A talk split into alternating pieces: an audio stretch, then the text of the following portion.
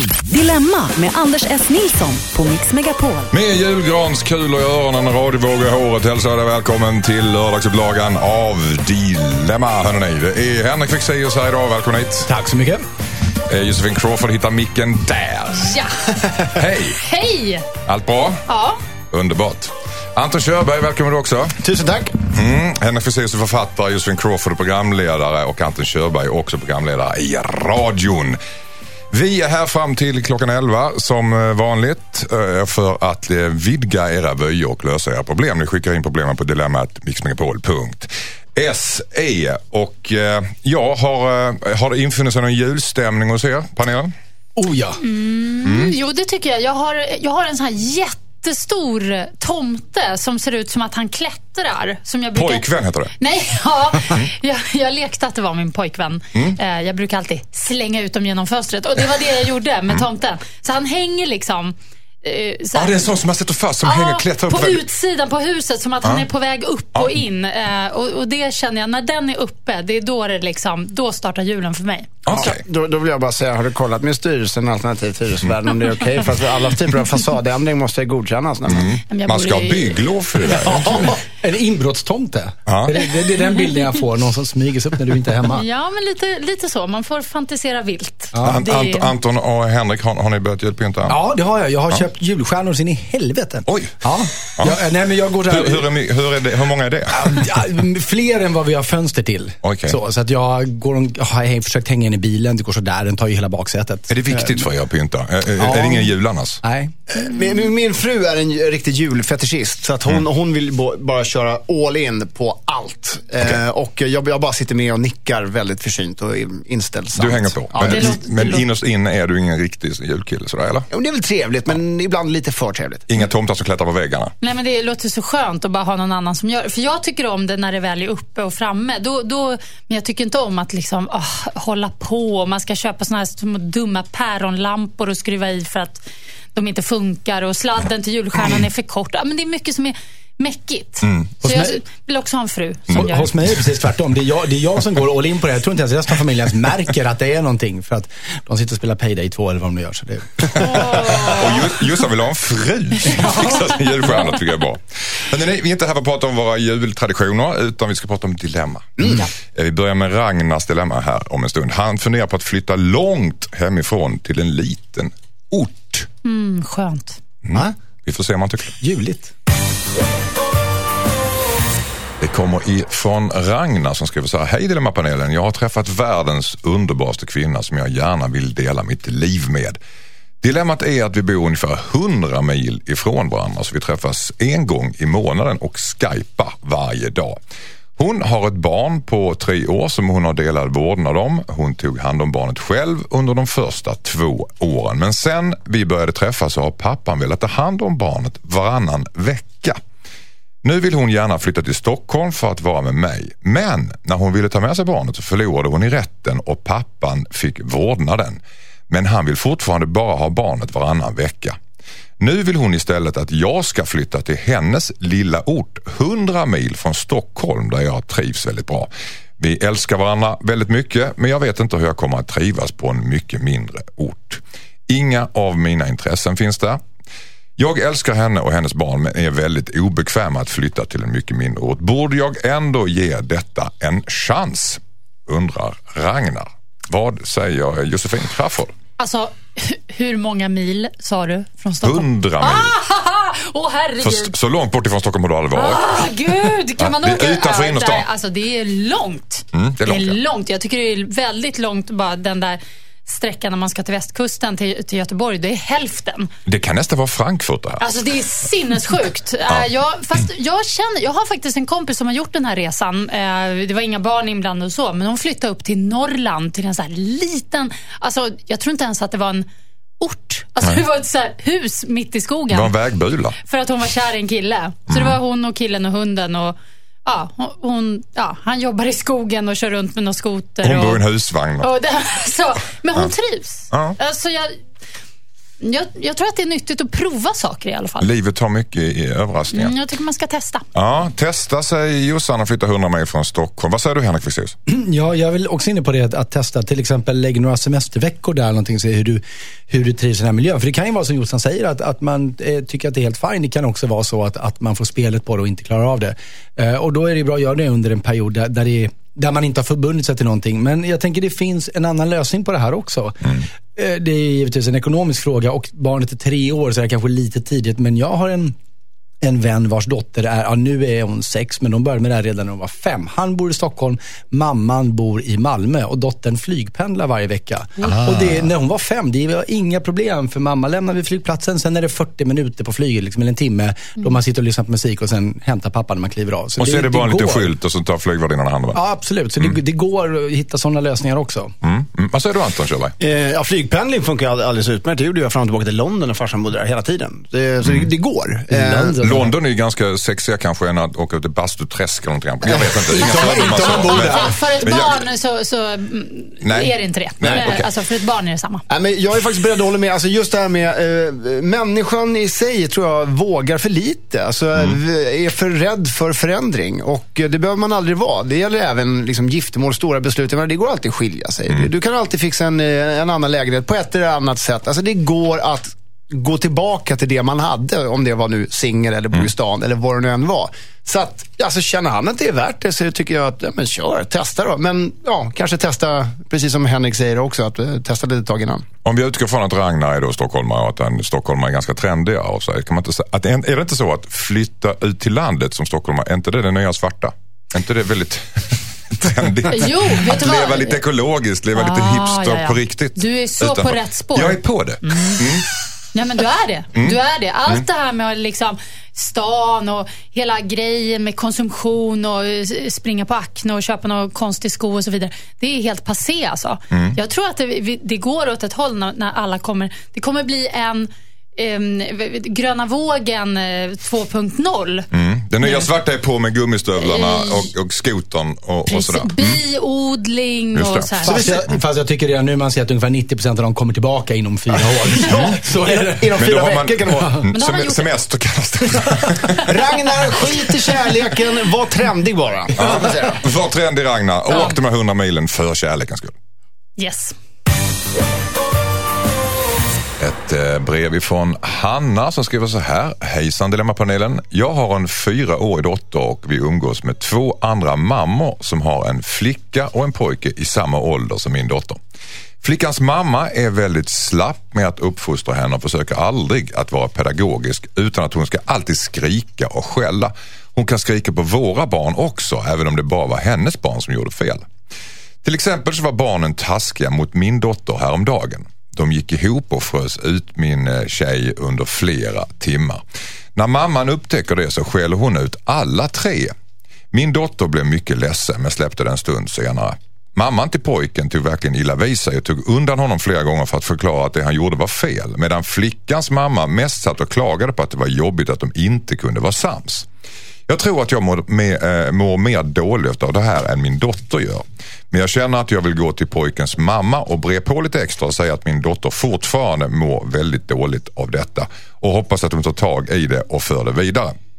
Eller ska jag ta upp med flickans mamma att det är brist i hennes uppfostran och att jag tar väldigt illa vid mig? Hängde ni med där panelen? Ja, absolut. Ja. absolut. Anton Körberg. Jag tycker, alltså, grejen är att med, med allting eh, som handlar om att man söker någon form av resultat. Till mm. exempel i det här fallet då att hon vill att den här mamman ska förstå att det hon gör är fel. I princip. Mm. Så tycker jag att det spelar ingen roll om hon säger Alltså om hon säger så här, hör du, nu har du gjort mig irriterad, det här är, det fel på ditt sätt att uppfostra. Men grejen är att det sättet fungerar väldigt sällan. Det är otroligt mycket bättre att, att spela på det här med känslor faktiskt. För att mm. då, då ökar oddsen på att eh, meddelandet går in i skan på henne. Vad säger du Jossan?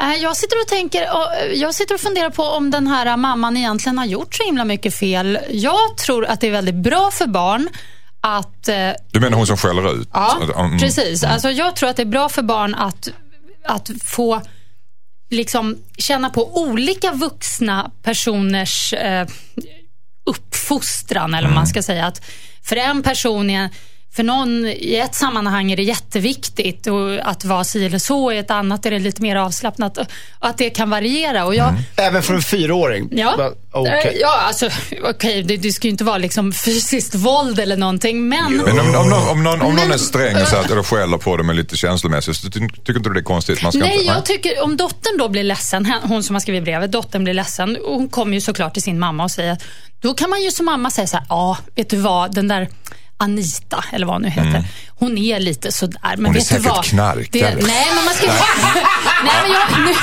nu är jag allvarlig Ja, ja, förlåt. Ja. Nej, men jag menar inte att man ska snacka skit, men däremot liksom förklara att alla är lite olika. och Hon är sån och ja, hon tog i lite, men vet du vad, ta inte åt dig av det. Utan eh, liksom, ja, förstår du vad jag menar? För jag, ty- jag tycker det är väldigt mycket så här, åh, mitt barn ska inte liksom, Utsättas för andra, för någonting. Och så, det är mycket det där, eh, den där devisen. Och jag, tror, jag tror inte det är så himla dumt att, liksom, att ens unge någon gång kanske får en utskällning från ett annat håll och kanske blir lite orättvist behandlad någon gång. Det är nyttigt, för så, så är livet. Men växer de upp med vi gillar olika? Föräldrar. Vad säger du Henrik precis? Eh, Jag måste erkänna att jag hängde inte alls med på det här. Därför att jag, jag satt och tänkte på den extremt skarpa socialhierarkiska markering som gjordes här i studion medan du läste brevet. Ohörbart för lyssnarna som helt fick mig ur track. Så Vad att var jag, detta Vad var det? något? Gud vad Jo, vad, vad som hände medan du började läsa Anders att jag fick av vår kära producent en termos glögg i handen efter Oj. så härligt julmysigt här. Och artig som jag är så innan jag häller upp det mig själv så bjuder jag den här först till Anton. Som tar termosen av mig, tömmer den vad jag kan säga under så här 30 sekunder. Jag väldigt noga skakar ut sista droppen. Och sen ställer den åt andra hållet fem meter ifrån här. Så dåligt! Så Okej. då, ja. Och, och, Hanna och jag brevskrivaren, hon, hon messade mig här och tackade för din analys. Det finns lite kvar där tror jag. Jag vet att Anton är alfahannen här i studion, ja, men, men jag blev lite så här, Okej. ja, så jag hö- hörde inte. Jag Nu nästan- fick vi ju en liten inblick i hur din, din arbetssituation ser ut. Men du, du, har ing, du, du har alltså ingenting att säga Jag vet till inte Hanna. vad ni pratar om. Du vet inte vad jag pratar om. Jag hade kunnat ta stryktipset för dig. Hade liksom, okej. Okej. Men, men, men det du säger Jossan är väldigt intressant. Att man ska vänja barn redan vid tidig ålder. Att det finns olika modeller för uppfostran och att föräldrar får vara olika. Ja, och man kan ju såklart säga till sitt barn att ja, jag tycker att hon gick, jag tyckte hon var för hård, jag tycker du har rätt. Kan man säga sinsemellan. Men sån är hon och det ska vi inte... För man måste ju också lära sig att det finns ju galningar som attackerar en från olika håll och att, att man måste lära sig att vissa saker ska bara liksom, det får man ta och sen kan det rinna av lite. Ja, det, ja, men jag tror att det är bra. Är du med på den linjen där Anton? Lite Ja, kort alltså, alltså, ja. jag, jag, jag håller med på, på ett sätt att man ska ju vänja barn med att liksom livet är så här, absolut. Men däremot när det handlar om, eh, jag tycker att det är mycket bättre att barn löser problem sinsemellan ju. Ja, det barn pratar det med barn, ja. det är Och jättebra. det som hände i det här fallet var att det var en mamma som då skällde ut det ena barnet och det tycker jag nästan är lite, nej jag vet inte riktigt om vad skällde ut alla barnen. Hon skällde ut alla. så det var, det var det jag tyckte var kanske nästan lite bra. Att, för att det är ju så här, även om en är utanför och någon är taskig, de är ju ändå en grupp. Liksom. Ja. Tack så jättemycket. Vill ni skriva in hit och fråga Fexeus vad han tyckte om glöggen så kan ni göra det också. Efter rocking around the Christmas tree. Förlåt Henrik. Nej, den är tom. Vi har ett brev här ifrån Ulrika. Hon skriver så här. Hejsan Dilemmapanelen. Jag heter Ulrika. Vi är två tjejer som är tillsammans och bor ihop. Vi har en väldigt intensiv relation. Intensiva starka känslor, intensivt underbart sex och intensiva jobbiga bråk och gräl varje dag. Jag står inte ut med det. Men samtidigt har jag aldrig älskat någon så mycket i hela mitt liv. Vi har varit tillsammans i ett år nu. Jag upplever att hon har väldigt svårt att kompromissa till exempel. Jag försöker prata om våra problem men hon vägrar. Hon tycker jag är jobbig då. Det känns inte så hälsosamt men jag älskar henne väldigt mycket. Borde jag lämna den människa jag älskar så intensivt eftersom hon vägrar kompromissa och vi bråkar så väldigt, väldigt mycket? Undrar Ulrika. Eh, en klassiker får man säga. Mycket passion. Eh, vad säger eh, Anton Körberg? Eh, jag, jag tycker alla problem kan eller nästan alla problem kan nästan alltid lösas på ett eller annat sätt. Alltså nu, de har ju otroliga problem när det handlar om att eh, ja, kommunicera överhuvudtaget verkar det ju som. Och speciellt när hon då säger, å andra sidan är det här hennes bild, Ulrika, att hon tar fram problemen på förhoppningsvis vad hon tror då ett väldigt öppet och bra sätt och öppet för dialog och öppet för kommunikation och sådär. Det tror inte jag. Jag tror att det är liksom, alla har alltid ett litet fel i det hela. Så jag tror att de behöver lite guidance, lite kanske från Ja, men ja, faktiskt då parterapi. Det är jämt jag säger parterapi. Men, men jag känner flera som har gått och jag har testat det själv och allting sånt där. Det är ett bra tips för du får en helt annan bild av relationen. Blir det bättre? Ja, alltså om man vill. Du får, ver- man får verktyg liksom att lära sig att hantera och förstå varandra. Faktiskt. Vad säger du Jossan om det här? Mm, Jag sitter och Bråk tänker på att... och eh, passion hör ja, ihop. Ja, men det, det intressanta för mig i det här det är att jag, jag har ju en liten fördom, eller vad man ska säga, om det här med att vara ihop med en tjej. Mm. För jag tänker så här, ja men gud, tänk om jag ändå vore flata. Det skulle vara så jäkla skönt att vara ihop med en tjej. För vi förstår ju varandra. Det skulle vara så här smidigt och Alltså jag har en, någon konstig illusion av att om två tjejer är ihop, då är det fantastiskt. Samma Alltså, garderob och sådana grejer. Nej, men liksom, jag bara tänker att tjejhjärnor funkar bättre då ihop. Men det är såklart... Man kan ehm, inte spela ut tjejkortet om man är ihop med en tjej. Och vad tungt det jag förstår. Du gör mig ledsen när du... Va? Men, Nej, men, så att, ja. så att, Så att du blev besviken av den här beskrivningen? Eh, nej, jag blir, på sätt och vis blir jag lite glad och lite så här, åh vad dum jag är som ens har tänkt så. En slags Eh, hopplöshet också. ehm, och det men det är klart att det är som vilken relation som helst, att Mm. det kan vara jätteeldigt och jobbigt. Men det låter ju som att de är så kära, så jag är, jag är helt inne på ditt spår. Jag tycker också Parterapi. terapi, en tredje person som, som eh, är med, så att de kan diskutera med varann fast med hjälp av en till person. Och Det verkar inte som att den ena vill det. Hon vill inte ens prata om det. Hon är kompromisslös och så vidare. hon bara vägrar. Han verkar så. Vad Ge säger mig det? Hen- jobbet, säger hon. Henrik Fexeus, vad säger du? Ja, alltså en, en eldig relation kan ju vara, det kan ju vara så att den här elden till slut bränner ut alla liksom, i, i, i bägge ändar och det är ju inte bra. Men, men det finns ju så mycket på vinnad att, eh, att eh, vårda den här passionen. Så att, och jag tänker att den här människan, den andra nu, som då är den kompromisslösa, som inte är den som har skrivit brevet. Ja, är hon det eller är det vår brevskrivare som upplever henne som det? det? Det kan ju vara så att om ultimatumet ställs, att antingen så tar vi hjälp, för att hon kan inte heller vilja ha det så här. och Du vill inte heller ha det så här. Antingen tar vi hjälp eller så måste vi avbryta relationen. Då kanske den kompromisslösa är beredd att kompromissa.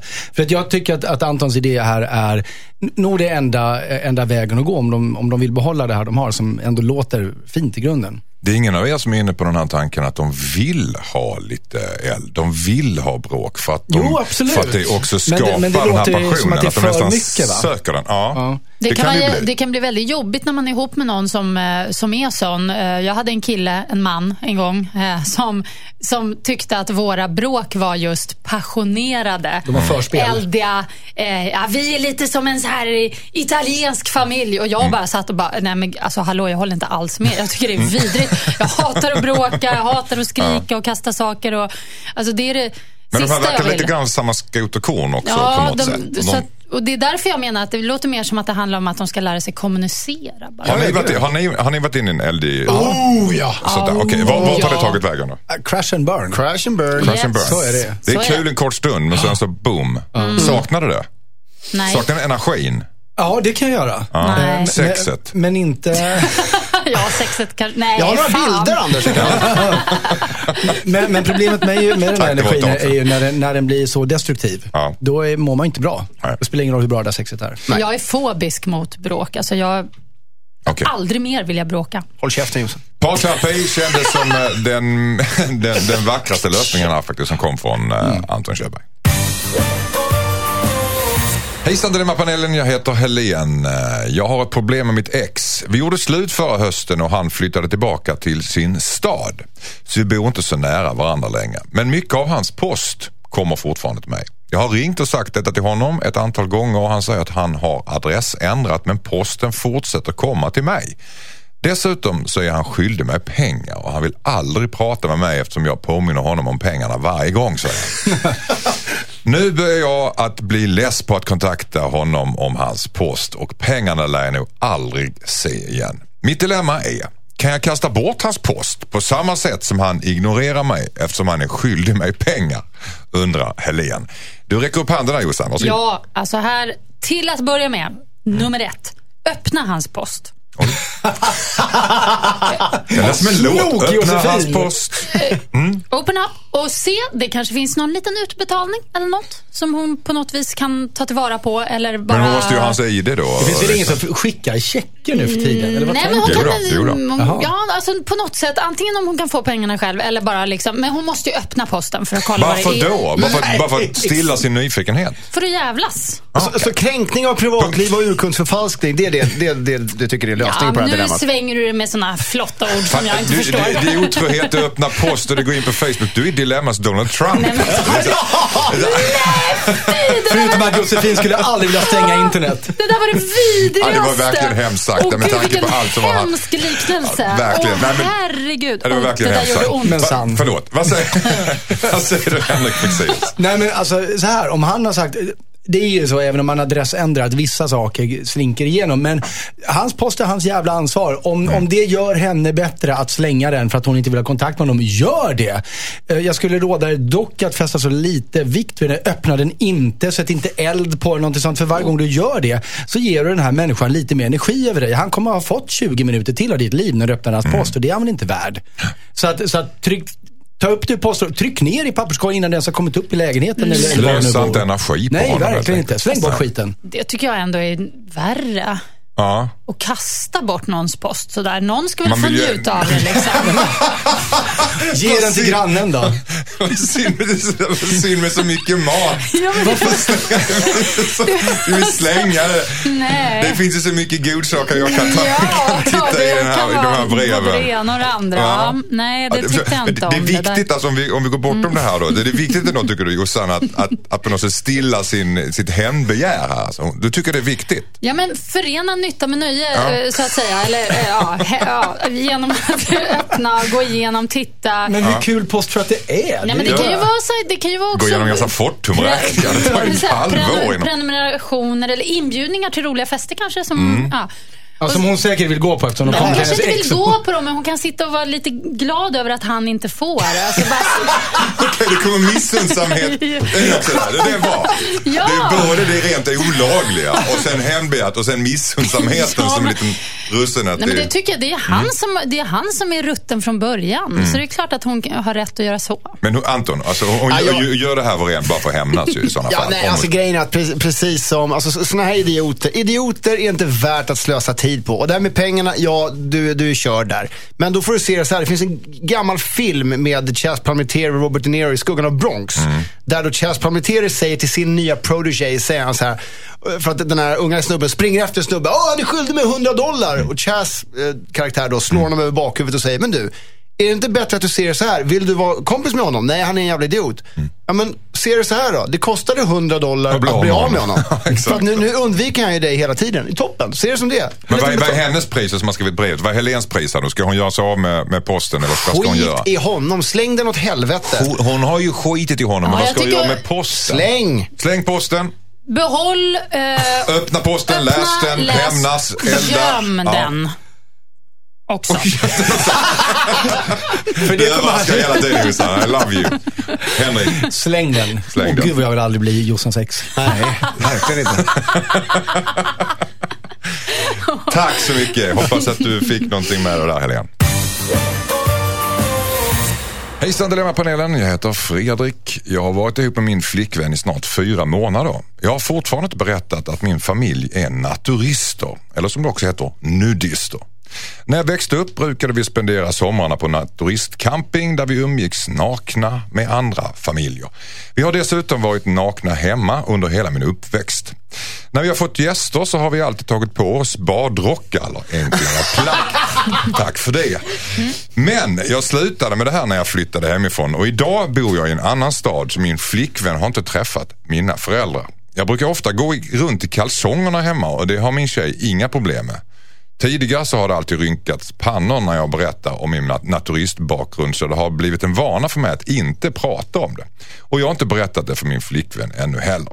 Borde jag vänta med att berätta för min flickvän att mina föräldrar är nudister eller naturister eftersom vi bara varit ihop i fyra månader? Vad säger Henrik Fexeus som, som Ja, men- skrattar åt det här? Jag förstår inte riktigt. Betyder det här att om de nu åker på julmiddag hos hans föräldrar så öppnar de på sin höjd morgonrock?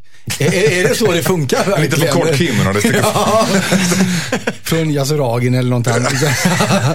Ehm, Men det känns som att man tror att nudister, bara för att, att de är nudister så har de inget omdöme. Men det är Nej, klart de nej, har. det är det som förvånar mig lite. Det, det är klart att de kan väl skärpa till sig lite. Och, och, eh, nej, det blir jätte... Du, jag måste berätta en sak om Mm. mina föräldrar. De är alltså ofta nakna. Alltså det blir ju väldigt... Ja, men de kanske hur- bor på man- landet och kommer gubben ut och hejsan Åsa och sen är helt naken Ja, och men så vet du ska han böja sig ner och plocka det upp kom, någonting. Åh, stopp! För sent med den bilden. Det kommer, inte drö, det kommer dröja ett halvår tills dess. Då, Mm. har, det, då vet hon redan om det. Då kanske hon inte åker ut på landet. Då. Vad säger du Jossan? Ja, men jag tycker på något vis att de får väl vara hur mycket nudister de vill, men bo, de kan väl av respekt lite för att han har en ny flickvän och när de då ska ses på någon slags eh, familjetillställning så kan väl föräldrarna klä på sig och ha kläder på sig. En t-shirt i alla fall, eller något. Nej, jag, ty- Och jag tycker faktiskt... Ja, jag tycker nog ändå att de ska ha ordentligt med kläder. Alltså, riktigt, alltså byxor och, och tröja så här. Så För att, och sen tycker jag att föräldrarna, kanske det kan komma upp när de sitter och pratar. Kanske föräldrarna kan berätta om det eller någon, någonting. Mm. Så att det kan få komma lite långsamt. Men varför tror, varför tror, varför, alltså det känns lite grann, vi var inne på det innan här, varför skulle de här föräldrarna inte ha ett sånt omdöme att de inte, när det är nytt folk så att Men de han inte, skrev ju det själv där, att eh, på sin höjd har han på sig en badrock. Går de jämt, men de måste väl jobba? Alltså går de i bara rökrock till jobbet? Men jag tror inte att det är så det funkar egentligen. Alltså, nu vet jag, just de här kanske gör det då, men det, Han är jag inte tror att- slav under sin nudism. Nej, jag tror de va- vanligtvis. Jag har faktiskt varit på ett sånt där nudistläger och, och intervjuat någon gång. Det var länge sedan. Men, eh, Var du naken då? Eh, jag var inte naken, men alla, Jaha, du var sån alla, alla där. Nej, men, jag var där och pratade om det. och så här, och de, Det var ju fullt eh, vad ska man säga, normala människor. Det är klart att de har kläder när de är i andra sammanhang. Men så när de åker på sina så här campingplatser eller vad det nu är, då är de nakna. Men många, många nudister gör ju faktiskt en grej av att alltid vara nakna för att på något sätt göra någon slags statement. Kolla han naken Janne i Farmen, han sprang alltid omkring Ja, men- naken och det var bara för att kameran var på. Men, Kanske. men det, det finns ja. något annat här också. Det, är den här vår brevskrivare då. Det låter som att han är ju också naturist och har liksom börjat skyla sig lite i princip för sin flickvän. Han går hemma i kalsongerna. Ja. Vilket, är- det, vem gör inte det om man har en flickvän? Alltså, Men, men det jag tänker att när de börjar åka på semestrar och så vidare, då, då är ju frågan, har han tänkt att de liksom av självklarhet ska åka till nudistcamping då? Nej, men bara för han att har ju är uppvuxen så? slutat. Han har Nej, ju jag fick inte ner. den uppfattningen. Nej, det behöver han inte ha Jo, gjort. jo, men det fick Jo, jag det fick Ja, jag, att jag han- tänker mig att han de, de kommer hem det- till hans föräldrar och då woof, åker kläderna av direkt. Nej. Nej, nudisten nej, är ett randigt djur, änderna går aldrig ur. Så? Det sitter liksom kvar. Men jag tror att det är så, alltså, när han säger så här, nej men jag, jag var naturist tills jag flyttade hemifrån. Jag tror att han har blivit shunned, som man säger i amish communities. Så Liksom att han, nej, nu är han, nu, han är inte längre en nudist. Han är inte längre en av oss. Han är bara, nej, jag har tagit avstånd från det där lite grann, tror jag. Men är det bara jag som vill röra det här lilla ämnet att nudister är lite konstiga? Varför är de det? Varför att de är Varför är de normala? Ja, Alltså, men därför att vi är väl egentligen onormalt att på sig kläder. Vi är ju skapta när vi föds nakna, vi dör nakna. Nej, inte alltid. Fast vet du vad, vi, vi har ingen päls och det är skitkallt ute. Ja, precis. Tack för det. Nej, men på sommaren, jag kan förstå när jag var på det där lägret och, och hälsade på, då, jag tyckte det kändes, första två minuterna var det så här, oj vad nakna alla är, men sen så vande man sig och jag tyckte det var rätt soft. Alltså jag tyckte alla gick runt och det blir inte så laddat med människokroppen. Alla ser lite olika ut. Någon hade lite hängpattar här och någon hade någon pung som släpade. Alltså, Släparen. ja, men du vet, det var smala, tjocka. Jag tyckte att det fanns något befriande Fast i nu det. pratar du om någon semestersituation. Det, Mm. det brev beskriver Ja, ju det folk som därför ränner jag- omkring hemma. Liksom, ja, därför jämt, tycker liksom. jag att han ska kräva att föräldrarna ska vara påklädda när de ses. Det tycker jag. Ja, det, det är väl rimligt då. Det Ja. måste han väl någonstans säga. Ja. Men tycker han ska berätta det för tjejen då? Att de är, att de Nej, är ett nudister? Nej. vänta ett tag. Men det är inte konstigt, varför var han så lättklädd, din pappa? Ja, men det är därför. Ja, mm. Nej. Om de halkar in på ämnet kanske. Ja. Jo, men det kan ju vara en rolig historia om han är uppvuxen på nudistcamping. Ja, det kan det är vara lite en- skoj. Ja, det Ja, nej, berätta eller inte. Håll upp handen vilka som vill berätta.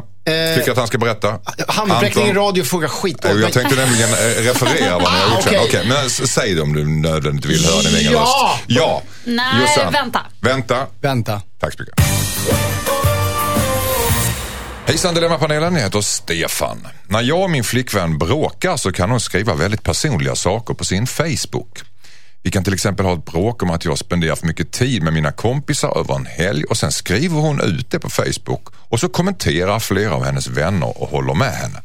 Och detta gör mig riktigt förbannad. Det är ju något privat mellan mig och henne. Vi bråkar ofta om det, om det här. Hon menar att det bara är hennes vänner på Facebook och att det, är att det bara är hennes vänner som är på Facebook och att det inte är offentligt som jag tycker att det är.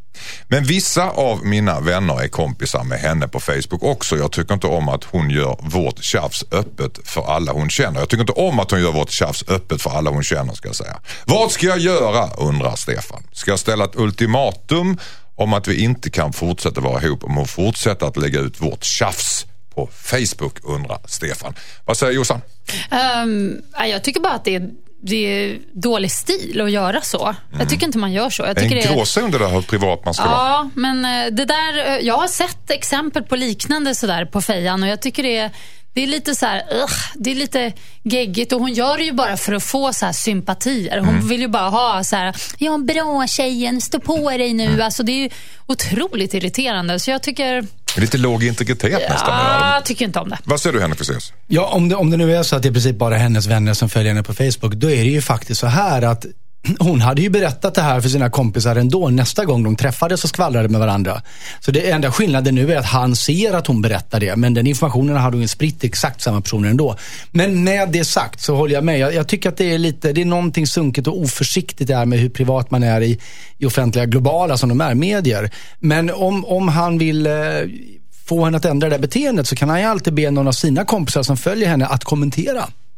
Ja men då blir det ett krig Ja, på Facebook som de har och då, privat. och då slu- nej, nej, men att, att de, om nu hans vänner som ju tydligen följer henne då skriver och bara, du eh, nu låter det lite väl hård va, det där, så där gör han ju själv, alltså, vad som helst. Och Så inser hon blir det att lite oj. barnsligt, blir det inte Men det? näst, men- jag håller faktiskt med dig Jossan. Det blir inte väldigt barnsligt. Jo men det blir ju det, men det är ju också poängen för att visa hur barnsligt det är från början att skriva om det för att få kan inte bara dra ur sladden på hennes Facebook och sluta lägga nu är det ut ju vårt du som är. Donald Trump här.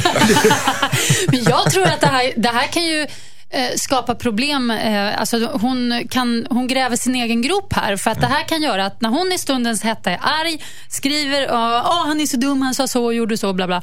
Så tycker hennes kompisar mer och mer illa om honom. Mm. Och sen så då när de är sams och allt är bra och de ska träffa hennes kompisar så kanske hennes polare är så här, men gud den där, ah, din kille, ja, nej, han precis. verkar ju oskön. Ja, det blir förtroendekonflikt Det är så här. Vad säger, vad säger Anton? Jag, jag, jag tycker att det är fullständig idioti. och Liksom, för det blir en annan, en annan grej när man sätter det i print av någon anledning. Det vet man ju själv när man är lack och att man skriver ett argt brev. Och så liksom, nej, men istället för att klicka skicka, vänta bara. Det räcker med fem minuter. Läs igenom det och sen bara, nej okej, det här kanske var lite väl hårt faktiskt. Men, På Facebook, det ligger ju där. Ja, det, ligger finns där. Och, så, hela och dessutom så är det verkligen så här, nej, men hon, hon verkar som en omogen, omogen fjantig brud. Skit i henne säger jag istället. Oj. Faktiskt. Ja, alltså, dra. hon, hon letar helt enkelt argument. Hon vill ha folk på sin sida som hon kan Ja. ta upp i när de bråkar. Jag håller med sen. Anton, det här är väldigt omoget beteende, gör slut. Ja.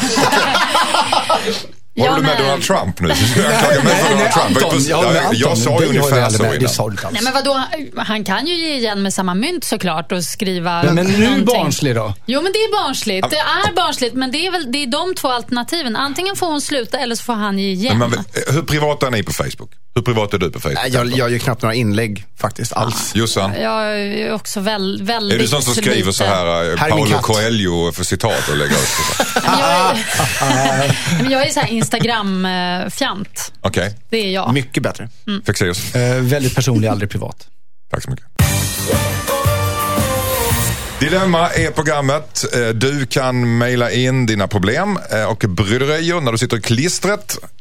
Då skickar du in detta till dilemmatmixmegapol.se och de som tar tag i det idag är Henrik Fexeus, eh, författare, tankeläsare, Josefin Crafoord, programledare och Anton Körberg, programledare. Och snart, hörni, nu blir det vuxet här. Karl har skrivit till oss. Han kom på sin kompis när han sniffade trosor i smyg. En liten lördagsmya han har, jag vet inte. Klassiker. God morgon på er allihopa. Vad händer då egentligen? Får man så här, eh, ha- hallisar? Beror på Det beror hur starkt. använda de är. Oj, oj, oj, oj, oj. Detaljer om en stund. Hejsan Dilemma-panelen, jag heter Karl. Jag var på en fest hemma hos en bra vän förra helgen.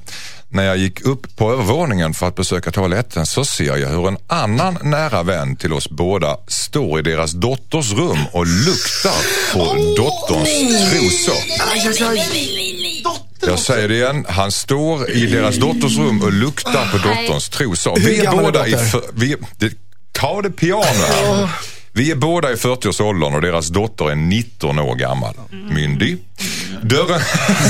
jag vet inte varför jag sa det där. Dörren, dörren stod på glänt och jag såg honom på avstånd. Jag vet inte vad jag ska göra. Han kanske var full och fick en dum impuls men jag är ändå äcklad av hans beteende.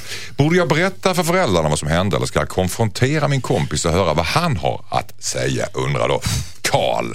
Eh, du får knappt lufta bort Anton. Så jag Alltså, börjar här- med, alltså- med ja okej, Okej. Anton. Fort, ja, hur känns det här? Ja, Ja, det känns ju fruktansvärt jobbigt på ett sätt. Men grejen är att när du började berätta om det här så hade jag först... Jag tyckte när du börjar lukta så kan... Ja, nej, nej, nej, nej. nej. Okej, men, men däremot så tänkte jag om det skulle vara så, för, för grejen är att det här med lukta på trosor är väldigt stort i Japan. Alla japaner gör detta. Alla! nej, det- nej, jag skojar, jag skojar. Men gre grejen är att, då Man kan jag så här, köpa i vending machines däremot. att, Ja, det kan man.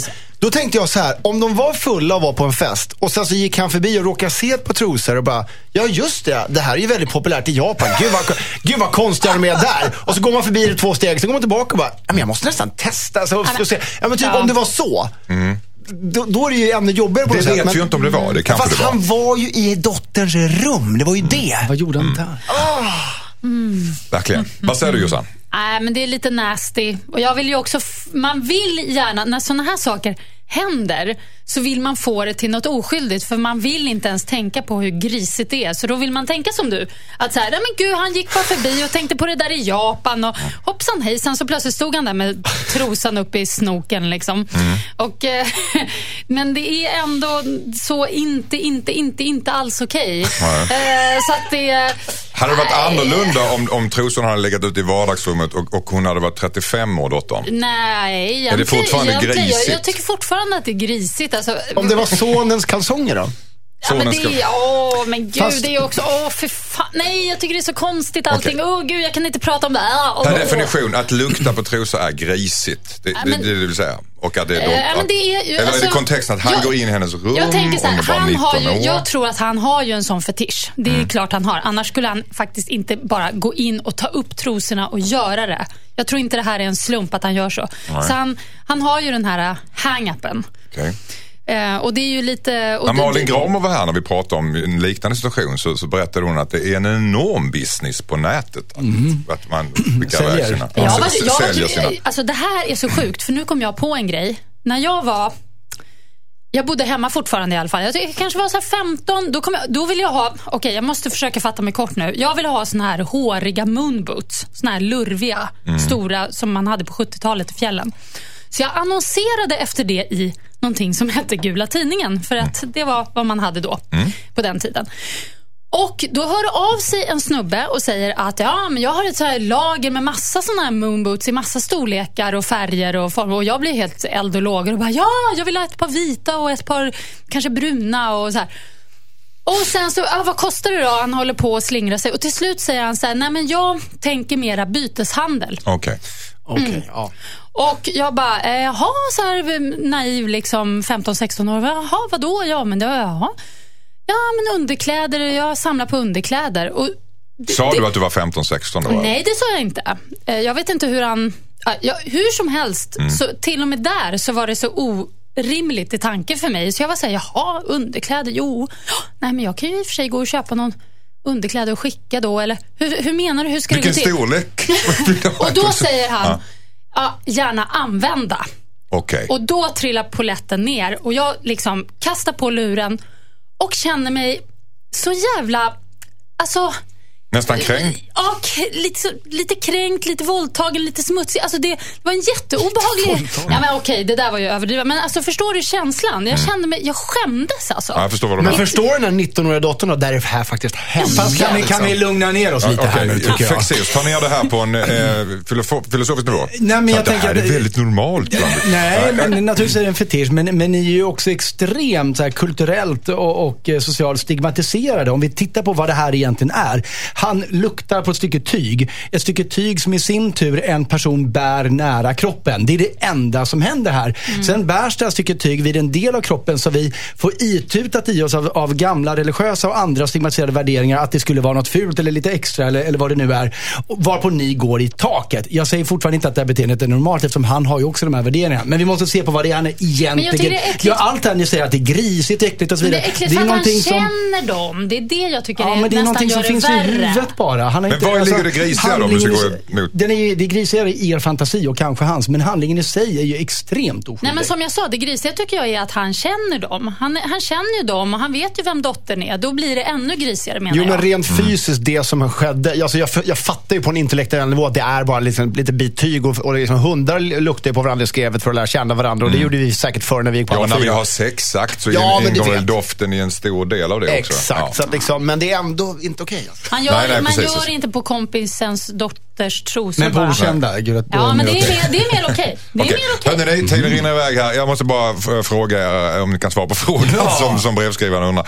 Eh, borde, hon, borde han berätta för föräldrarna vad som hände? Eller ska han konfrontera sin kompis som verkligen gjorde det? Och höra vad han har att säga. Konfrontera kompisen säger jag. Vad säger du Jossan? Berätta för föräldrarna.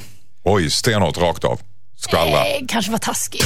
Ah, men tycker du tycker du? Henrik? Om hon vågar konfrontera kompisen, för det kan vara någonting som kompisen behöver lite hjälp med. Men, men det kräver mycket mod tror jag. Tack så mycket. Hejsan Dilemmapanelen, jag heter Mattias. Jag har bott tillsammans med min sambo i två år och hon pratar och går i sömnen. Det är inga småsaker utan hon kan röja runt och flytta på saker, öppna balkongdörren eller vara på väg ut genom ytterdörren. Senast igår natt så började hon laga mat i sömnen. Det mest frustrerande är att när jag berättar om det här för henne så tror hon inte mig. Hon förnekar att hon skulle gå i sömnen. Jag ligger orolig om nätterna och, und- och om att något hemskt ska hända. Vad ska jag göra?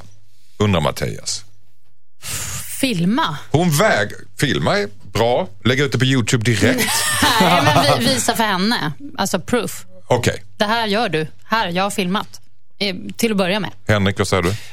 Det, jag, Man ska jag, inte väcka någon som går Nej, det där är ju bara en myt. Men, Alltså? men eh, däremot, så- jag var också inne på filmen men tänkte det löser inte problemet. Det, det, hon kommer inte gå mindre i sömnen för att hon vet om att de gör det. Eh, Och, och vad jag förstår, han är Nej, men mer... hon förnekar ju Fast det. det är, måste bra kännas jobbigt. det är bra till att börja med att Absolut, hon går ja, men med gör på det.